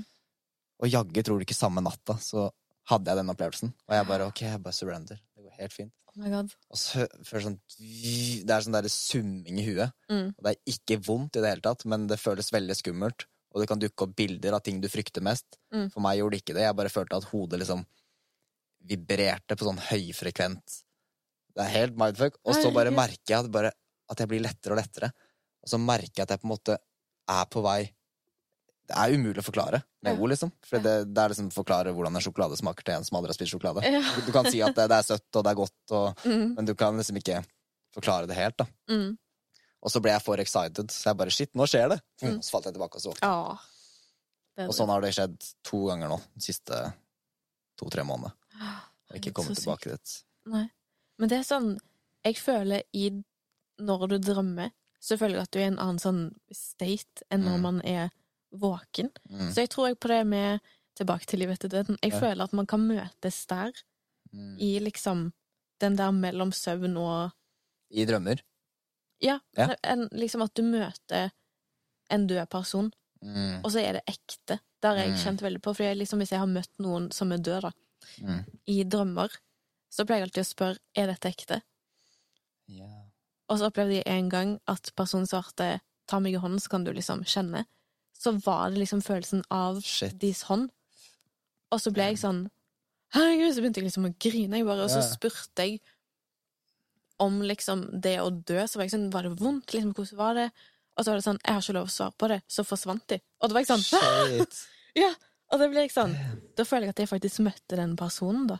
For da blir jeg sånn Hva er det de ikke har lov å fortelle oss? Ja, Så så forteller jeg det til søsteren min, og hun blir sånn Herregud, dette må jeg google, for hun er veldig sånn Ja, ja, shit. Hva betyr dette her? Å, se hva jeg fant! i. Men det er veldig sånn Så jeg føler når man sover, så er man liksom ikke Mm. her, på en måte. Hvis det gir mening. Nei, for meg gir det veldig Jeg, jeg skjønner akkurat hva du mener. Men, Mm. men det, det jeg vil bare spørre deg om det før vi går videre. Er det Skjønner du når du møter en død person, Mm. så skjønner du at oi, nå er ikke jeg i min virkelige verden. Ja. Så du lucid dream jo. Ja. Ja. Ja, fordi det er sånn jeg pleier å fatte at jeg drømmer. Det er to ting. Enten hvis jeg møter en person jeg vet er død, da er jeg sånn Nå drømmer jeg, fordi Mm. dette går ikke. Og det andre er jeg har skikkelig vannskrekk. Så jeg drømmer ofte at jeg er under vann. Stakkar. Så da, så da har jeg sånn Stakkar deg i drømmeland. ja. Så da er det sånn Når jeg våkner Nei, ikke våkner. Når jeg drømmer, og jeg er sånn 'herregud, du er under vann', så gjør jeg sånn her. Ikke sant? Og så er jeg sånn 'jeg kan puste'. Mm. Jeg drømmer. Eller sånn 'jeg er under vann, og jeg er ikke redd'. Jeg drømmer. Kult. Så det er liksom de to tingene. Og da er jeg sånn 'OK, kult, da har jeg lyst på en is', så får jeg en is. Dritfett. Ja. Ja, for det er jo det som er For jeg har jo møtt døde personer i drømmer, jeg òg. Ja. Men ofte med meg så har ikke jeg catcha at det er en drøm. Ja. Jeg, jeg kommer på det når jeg våkner. Ah, ja. Det skjedde jo med en venninne av meg. Mm. Og det, herregud, jeg er glad det ikke var min drøm, fordi det var skikkelig ekkelt. Hun sa hun hadde drømt at hun hadde møtt noen som var død. Mm. Så gikk det en liten stund, fordi det var ikke så lenge etter en person hadde dødd. Og så ble jeg plutselig sånn 'herregud, du er jo død'. Så sa jeg det til han i drømmen. Hun bare 'du fins ikke lenger'. Mm. Og så ble han liksom Han bare smuldra sammen. Sånn Shit, så det er typ Han bare stivner. Harry. Potter når Ja, det ja men nesten. Han stivna, og så bare smuldra han. Og så var jeg sånn jo, så sykt. Men da blir jeg sånn, hva er det liksom Siden jeg har opplevd det der sånn Å, dette kan jeg ikke fortelle deg. Mm. Og jeg føler søsteren min også har sagt at hun har møtt noen som er død, og har spurt om døden, og så er de sånn Jeg har ikke lov å si det. Da blir jeg sånn Hva er den greia? Ja, jeg liksom? lurer på Jeg, jeg har ikke peiling. Det føles liksom ut som det er Jeg har aldri hatt en samtale med en sånn. Mm. Um, men kanskje det er liksom ting At jeg merker at de prøver å møte deg, Mm. men hvis du på en måte Nei, du finnes jo ikke. Da bare tenker de ok, de er ikke klar for det møtet her. Mens du har vært mer bevisst på det, da. Mm. Og liksom stilt det spørsmålet. Men sykt interessant. At det på en Mm. måte er sånn Kan ikke fortelle det, liksom. Ja.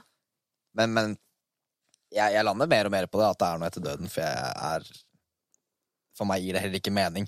Jeg, det kan være mindfuck for meg å tenke at man ble født. For da jeg var barn, så tenkte jeg liksom Hvor var jeg før jeg ble født? Mhm. Jeg, kan, jeg må jo ha vært jeg, jeg må jo ha stått på en hylle Ja. klar i kø, eller et eller annet. Ja. Si? På en hylle. Ja, Jeg i dør. Men det var eh, Søsteren min sendte en syk video. Mm, Det var en unge på sånn tre år som var Han var amerikansk. mm. Og hver gang det fløyt fly over huset, så fikk han helt panikk. Og de var sånn Hvorfor er han redd for fly? Han har aldri flydd før. Og liksom, hva er dette?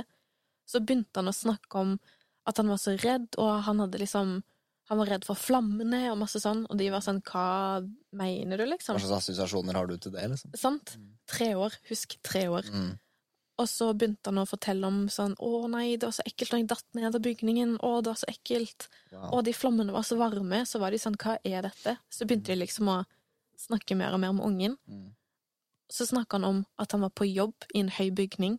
Så var det et fly som traff bygningen. Det begynte å brenne. Eh, og så var han sånn 'jeg må hoppe, for de kommer til å dø uansett'. Og så gikk det litt tid, og så kom han med et navn. Så googla foreldrene det navnet, så fikk de opp en liste over alle som døde under 9-11. Og de bare 'Ungen vår vet ikke hva 9-11 er'. Liksom, han er tre år. Damn. Og så snakka han om at han var sånn eh, Han arbeida med liksom de der eh, Hva heter det på toppen av bygningen? Eh, Satellittgreier. Eh, ja, ja. Eh, og så hadde de fått kontakt med kompisen til han som døde. Mm. Og så intervjua han han lille ungen. Da var han litt eldre, da var han sånn seks år eller noe. Wow. Fordi han var liksom sånn 'Dette tror jeg ikke på'. Nei. Men så han sånn 'Hva er ditt fulle navn?' Svarte han på det. Og så spurte han 'Hva jobba du med akkurat den dagen?' Så svarte han på det, og det stemte med hva han jobba med på den dagen. Så spurte han om sånn interne jokes de to hadde hatt. Han kunne de jokesene, Wow. og liksom alt sånn.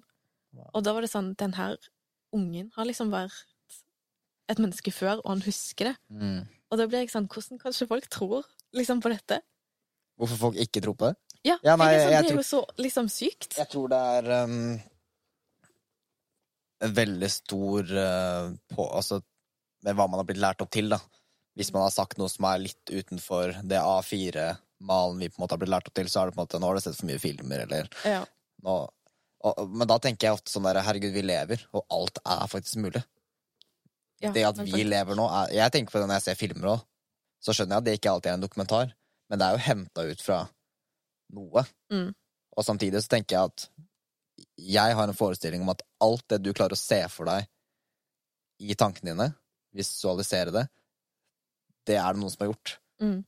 Det kan være jævlig bra, eller det kan være helt sykt, liksom. Mm. Så jeg, jeg, jeg tenker liksom at Jeg føler at veldig mange blir er redd for å dele sine erfaringer, da. Mm. Fordi man tenker at herregud, da folk tror at jeg eh, bare vil ha oppmerksomhet eller prøver å fortelle noe interessant. Men jeg har også hørt historier om folk som på en måte har blitt født, og så har de huska et navn, og så finnes det navnet. Mm. Og så er det en eldre dame, for eksempel, da. og så viser det seg at det på en måte det var den avdøde mannen som på en måte ble reborn. Oi. Jeg husker ikke hvor jeg hørte det her, men jeg har hørt den historien. Um, og, og det er jo helt merkelig, fordi jeg føler på en måte at det er For min del så er det veldig åpenbart for meg at det er flere dimensjoner av ting. da. Med Mm. tanke på i drømmer så føler jeg at jeg har gjør ting med venner bare i en helt annen tid. Mm. Og så lurer jeg på, er det minner fra tidligere liv, eller er det meg i et parallelt univers, eller Mm. hva, hva kan det være, på en måte? Ja. Og jeg har også opplevd mange ganger at jeg eh, dør i drømmer. Enten Oi. det er i krig Altså, jeg har hatt tydelige minner. Altså, jeg har jo aldri opplevd krig. Mm. Men jeg vil tørre å påstå at jeg har opplevd frykten av det i Mm. drømmer, for det føles så virkelig. Mm. Men jeg skal ikke si altså, Jeg har ikke erfart krig, liksom. Jeg, jeg har ikke de traumene. Mm. Fordi jeg våkner etterpå og føler at ok, men det er den virkeligheten her jeg er i nå. Mm. Men jeg har opplevd flere ganger at jeg um, er på et krigsfelt, og så er jeg et barn, og så løper det folk forbi, og så har jeg en familie som ikke er familien min, men jeg skjønner der og da at det er familien min. Mm. Uh, og så kommer det noen militærfolk, og så blir vi skutt ned. Samme måte har jeg opplevd at jeg har vært i vannet, og så har det kommet et sånt krigsskip. Og så har liksom kommet militær opp med maskingevær, og så har de skutt oss. Herregud. Og det føles så sykt ekte. Ja. Og da har jeg tenkt meg Nummer én, det kan være at jeg bare Men det virker så usannsynlig. At jeg har hørt om at det her har skjedd på nyheter, og så visualiserer jeg det i drømmer. Men det Mm. Hvordan skal jeg kunne klare å virkelig kjenne den frykten og den Mm. følelsen av å bare bli plaffa ned, liksom? Det er jo helt forferdelig. Eller Ellers så har jeg tenkt at ned. jeg blir plafra ned.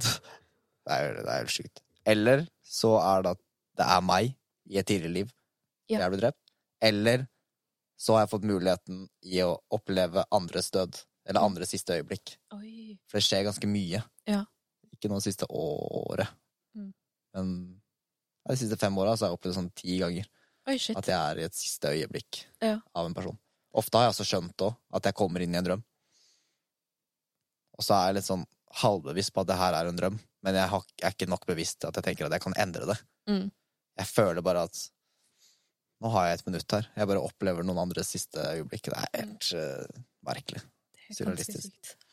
Men jeg, ja, jeg føler at vi mennesker er på en måte Vi er jo alle en del av hverandre. Mm. Så når jeg har liksom Det der med Ukraina og sånne ting, så føler jeg liksom at jeg noen ganger kan våkne midt på natta. Ikke nå, men jeg gjorde det når det starta, på en måte. Det jævelskapet der. At jeg bare våkna midt på natta og hadde en sånn derre smerte inni meg. I hjertet, liksom. Mm. Fordi jeg føler at vi mennesker er en del av hverandre, så når noen opplever tragedier, eller noen opplever uh, forferdelige, umenneskelige ting, så vil vi bli påvirka på en eller annen måte. Mm. Jeg veit ikke, Ja. men jeg har en følelse av det. Det er sånn som gir mening for meg. Mm. Det gir mening for meg. Ja. Men eh, er ikke sånn jeg tenker på det du sa med eh, Kanskje det er sånn du døde i ditt forrige liv, for eksempel, når du drømmer sånne ting. Mm. Det tenker jeg på sånne ting som er Som du er livredd for nå. Mm. Sånn som jeg har skikkelig vannskrekk, da. Mm. Og det har jeg hatt siden jeg var baby, liksom. Det er sånn jeg har hørt mange ganger. Sånn, å, når vi bada søsknene dine første gang som baby, så elsker de det, mens jeg liksom skreik og hadde panikk. Mm. Liksom første gang jeg ble bada i livet mitt, liksom. Og da er jeg sånn, kanskje jeg drukna mitt forrige liv? Ja, Eller liksom, ikke sant? har det Ja, noe med det å gjøre? Det har jeg ikke tenkt på. Mm. Samme storesøsteren min, hun har liksom ikke lyst på lappen, fordi hun er liksom Mm. Hun syns det er skummelt med liksom bil og trafikk og sånn. Er jeg sånn, Hun døde jo sikkert i trafikken. Ja, for er det ikke rart at du blir født med en, utvikla, med en ferdigutvikla personlighet? Mm, For det er jo veldig rart. sant? At, og det, det kommer ikke alltid av liksom, familie eller slekt, for du kan gjerne være helt motsatt av hva familien din er. Mm, Ofte faktisk er det slik. mm, Føler jeg at den siste som blir født, er liksom en motsatt av de andre, og så kommer den til, og så er det noen ganger har du likheter. mm. Men jeg også har tenkt på det, hvorfor Eller jeg har aldri tenkt på det med meg selv. Om jeg har liksom frykter for å liksom Å prøve å tenke litt. Ja, hva er din største frykt? Det er et godt spørsmål. Mm. Da må jeg faktisk tenke litt. Jeg har masse frykter. Jeg Mm. bare, noen ganger så er det ting man ikke har tenkt så mye over. Mm. Um, jeg syns det er lettere å starte med hva mine største frykter var. Og det var um, Jeg hadde veldig stor frykt for at andre ikke skulle like meg for den jeg var. Mm. Tidligere. Um, men da begynte jeg og Når jeg begynte å bli bevisst på det for noen år siden, så tenkte jeg at nå må jeg gjøre ting som er ukomfortabelt, som trosser de fryktene. For det var ikke bare liksom at, folk, at jeg var redd for at folk ikke skulle like meg for den jeg er, men også veldig redd for å drite meg ut foran andre. Mm. Et godt eksempel, som var sånn dette her var fire år siden eller noe. Jeg har stått på skateboard hele livet. Men så har jeg en følelse av at å stå motsatt vei enn det du er vant til, er jo som å starte på nytt. Mm. Men det er veldig god trening for hjernen din. Mm. Og så tok jeg meg selv flere ganger at jeg øvde på det, var litt ustødig, og så kommer det noen som går forbi, og så snur jeg. Mm. Da står jeg på den riktige veien. Mm. Så tenkte jeg over dette på hvor De driter jo i faen i hva om du tryner eller noe. De kan le av deg akkurat der, men de tenker jo ikke over det i mange dager, liksom. Nei, sant. Det er bare noe du selv tenker på. Mm. Så jeg tror det har vært en frykt, men jeg føler ikke at det er en frykt nå, fordi mm, Ja, hva er det jeg frykter, da? Jeg, min største frykt er eh, faktisk å miste noen nære. Mm. Det er en frykt jeg på en måte har som er litt stor, da. Mm. Eh, Fordi jeg har aldri opplevd å Jeg har mista kompiser og, og sånne ting, men eh, ikke kompiser som på en måte har vært helt inni hjertet mitt. Mm. Eller familie. Jeg, jeg har jo alle fire besteforeldrene mine Oi. til den dag i dag, liksom. Mm. Um, men, med, fordi at, grunnen til at jeg frykter det, er for at jeg veit ikke hvordan jeg kommer til å reagere. Mm. Men jeg husker reaksjonen min på en kompis jeg mista for uh, Når var det? Det må ha vært uh, år så fort, vet du. Så det kan være ti år siden eller 15. Jeg tror det er ti år siden. Så husker jeg at jeg hadde en veldig sånn senreaksjon. At det var sånn, Jeg fikk vite det mandag morgen, og jeg bare ok, gikk i bilen, satte meg og skulle på jobb. Og så plutselig bare bryter jeg ut i gråt. Og bare sånn shit. Han er borte, liksom. Mm. For alltid. Mm. I hvert fall det livet her. Mm. Så det, ja. Tror det er kanskje min største frykt. Mm. Men så tenker jeg samtidig, hva er det å frykte? Fordi det vil jo skje uansett. Mm. Alle de du er glad i, er jo Det kommer jo til et punkt Mm. hvor det på en måte ikke varer lenger. Ja. Så istedenfor å frykte det, kanskje gjøre noe for å heller nyte det øyeblikket man har, da. Um, men jeg har blitt Jeg hadde veldig mye frykter før. Var veldig sånn redd for liksom hva andre tenkte om meg, og bekymringer og alt sånt, men så har jeg på en måte ved Ting forandra seg veldig med meg når jeg begynte å gå litt spirituelle, som å lucid dreame, meditere og bli mer bevisst, og skrive tanker. Fordi da har jeg følt at på en måte Det er egentlig ikke så mye å frykte. Frykt er jo en negativ Ja, frykt hjelper oss ved at du liksom Jeg frykter å hoppe over den kanten her, for da kan jeg dø. Det er jo en grei ting, liksom. Men frykte sånne overfladiske ting som egentlig ikke skader deg fysisk eller psykisk, tror jeg er veldig lurt å utfordre. For det jeg har lært ved frykt, da, ved å for eksempel um, trosse de enkelte fryktene jeg hadde. Det var jo en frykt det å ta opp et kamera og filme meg selv og legge det ut. Det var jo en frykt før. Mm. Uh, og så var det en frykt å stå feil vei på skateboard når jeg møtte andre. Men det jeg merka ved å trosse de fryktene, var at du vokste på så sykt mange andre områder i livet. Så hvis man frykter å gå i skogen aleine, eller hvis man frykter um, å prate høyt for noen andre mennesker, så gjør det. Mm. Test deg selv for det. Mm. Og så vil du se at du vokser så ufattelig mye på alle andre områder også, som du egentlig ikke hadde tenkt over. Mm. Det har jeg faktisk opplevd sjøl. For jeg husker før så jeg hata å holde presentasjoner. Ja. Jeg syntes det var skikkelig ubehagelig. Mm. Så husker jeg bare sånn, skal, da skal jeg bare late som jeg syns det er dritgøy. Ja. Og nå syns jeg det er kjempegøy. Ja, det gjør det. Ja. Kult. Nå er jeg sånn Jeg får liksom skikkelig sånn energi av det. Sånn, Ja. Nå skal jeg gjøre det. 25 år og holder seg bra. ja, ser ung ut ennå. Ja, for det, jeg tror det kan overraske deg òg, da. Ved å møte frykter, så Mm. innser du at oi, det her var jo egentlig ikke så skummelt. Mm. Jeg kan merke det så enkelt som å Jeg har blitt utfordra av eh, mentoren min, for jeg har gått på sånn mentorprogram de siste tre månedene. Sånn Mm. coachingprogram. Uh, hvor hun sa til meg at nå, Fredrik, utfordrer jeg deg en gang i uka når du føler for det. Ta opp telefonen og sett en livesending på Instagram. Oi. Hvis du føler at du har noe du liksom tenker at du skal dele. Mm. Og det har jeg ikke gjort tidligere, for jeg syns det er jævla skummelt. Mm. Jeg synes det er mye tryggere å gå i skogen aleine og bruke en time på å lage ett minutts liksom. Mm. For det, da er det jo ingen som på en måte ser deg ditt virkelige deg, da. Mm. Og så gjorde jeg det her forrige uke, og jeg bare jeg begynte å skjelve. Jeg var sånn, brukte sånn tre minutter på å bare trykke på start, liksom. Ja. Uh, Å, sier du. jeg ble, ble litt sånn, ja. Og det, og det kom jo tilbake til den frykten om å liksom drite seg ut, eller Men så tenkte jeg, vet du nå bare fullfører jeg det. Ja da. Nå fikk vi besøk i podkasten av min gode venn Hvertan. Jeg har hengt opp lapp, da. Det er litt morsomt. At jeg ikke ja, ja. Ja, ja. Uh, kan jeg kjefte på han etterpå. Ja, det går bra. Uh, jo, men den følelsen etter du har gjort noe du frykter Mm. Så for eksempel når du holder en prestasjon. Det er jo en Mm. sykt god følelse Mm. etterpå. Mm. Så du angrer jo ikke. Nei. Så møte frykter, gå utenfor komfortsonen, det er uh, steder hvert jeg føler jeg vokser veldig på. da. Mm. Kommer hjem og så tenker jeg nå er litt sliten, ass. har jeg lyst til å bare se en film. Men hvis jeg bare pusher meg utenfor komfortsonen og går og løper en halvtime og tar en kald dusj, Mm. så, er jo, så gjør jeg det, så angrer man jo aldri etterpå. Nei, nei, sant. Det er jo det man vokser av. Mm. Absolutt. Føler du at du er flink til å pushe deg utenfor komfortsonen noen ganger? Egentlig ikke. Nei? Nei, jeg føler jeg er litt sånn Mm. Gjør det som føles best. Nei, men det er jo ikke noe fasit. Hvis det funker, så er det bra, det. Ja, Men jeg skulle ønske at jeg var bedre på å gjøre det. Ja. Hva tror du du kunne gjort, da? For å pushe komfortsonen din? Det var faktisk noe jeg gjorde. Fordi jeg husker du la ut en reel hvor du skulle promotere sangen du har gitt ut. Mhm. Hvor du gikk på jeg tror det er Birkelund. Ja. Så blir du filma, og så går du og danser mens du liksom hører på sangen din. Mm. Så tenkte jeg sånn Herregud, hadde jeg aldri turt. Så husker jeg den samme dagen så kom det en Be Real-varsel. Har du Be Real? Nei, jeg har hørt om det. OK, så det skal jeg. Ja, jeg vet hva det er. Det er sånn bilde fra Ja, du må Ja. ta det når eh, varselen kommer. Mm. Så husker jeg, da gikk jeg på Birkelund. Masse folk. Og så var jeg sånn Skal jeg bare ta en selfie her? Sånn skikkelig sånn Kult.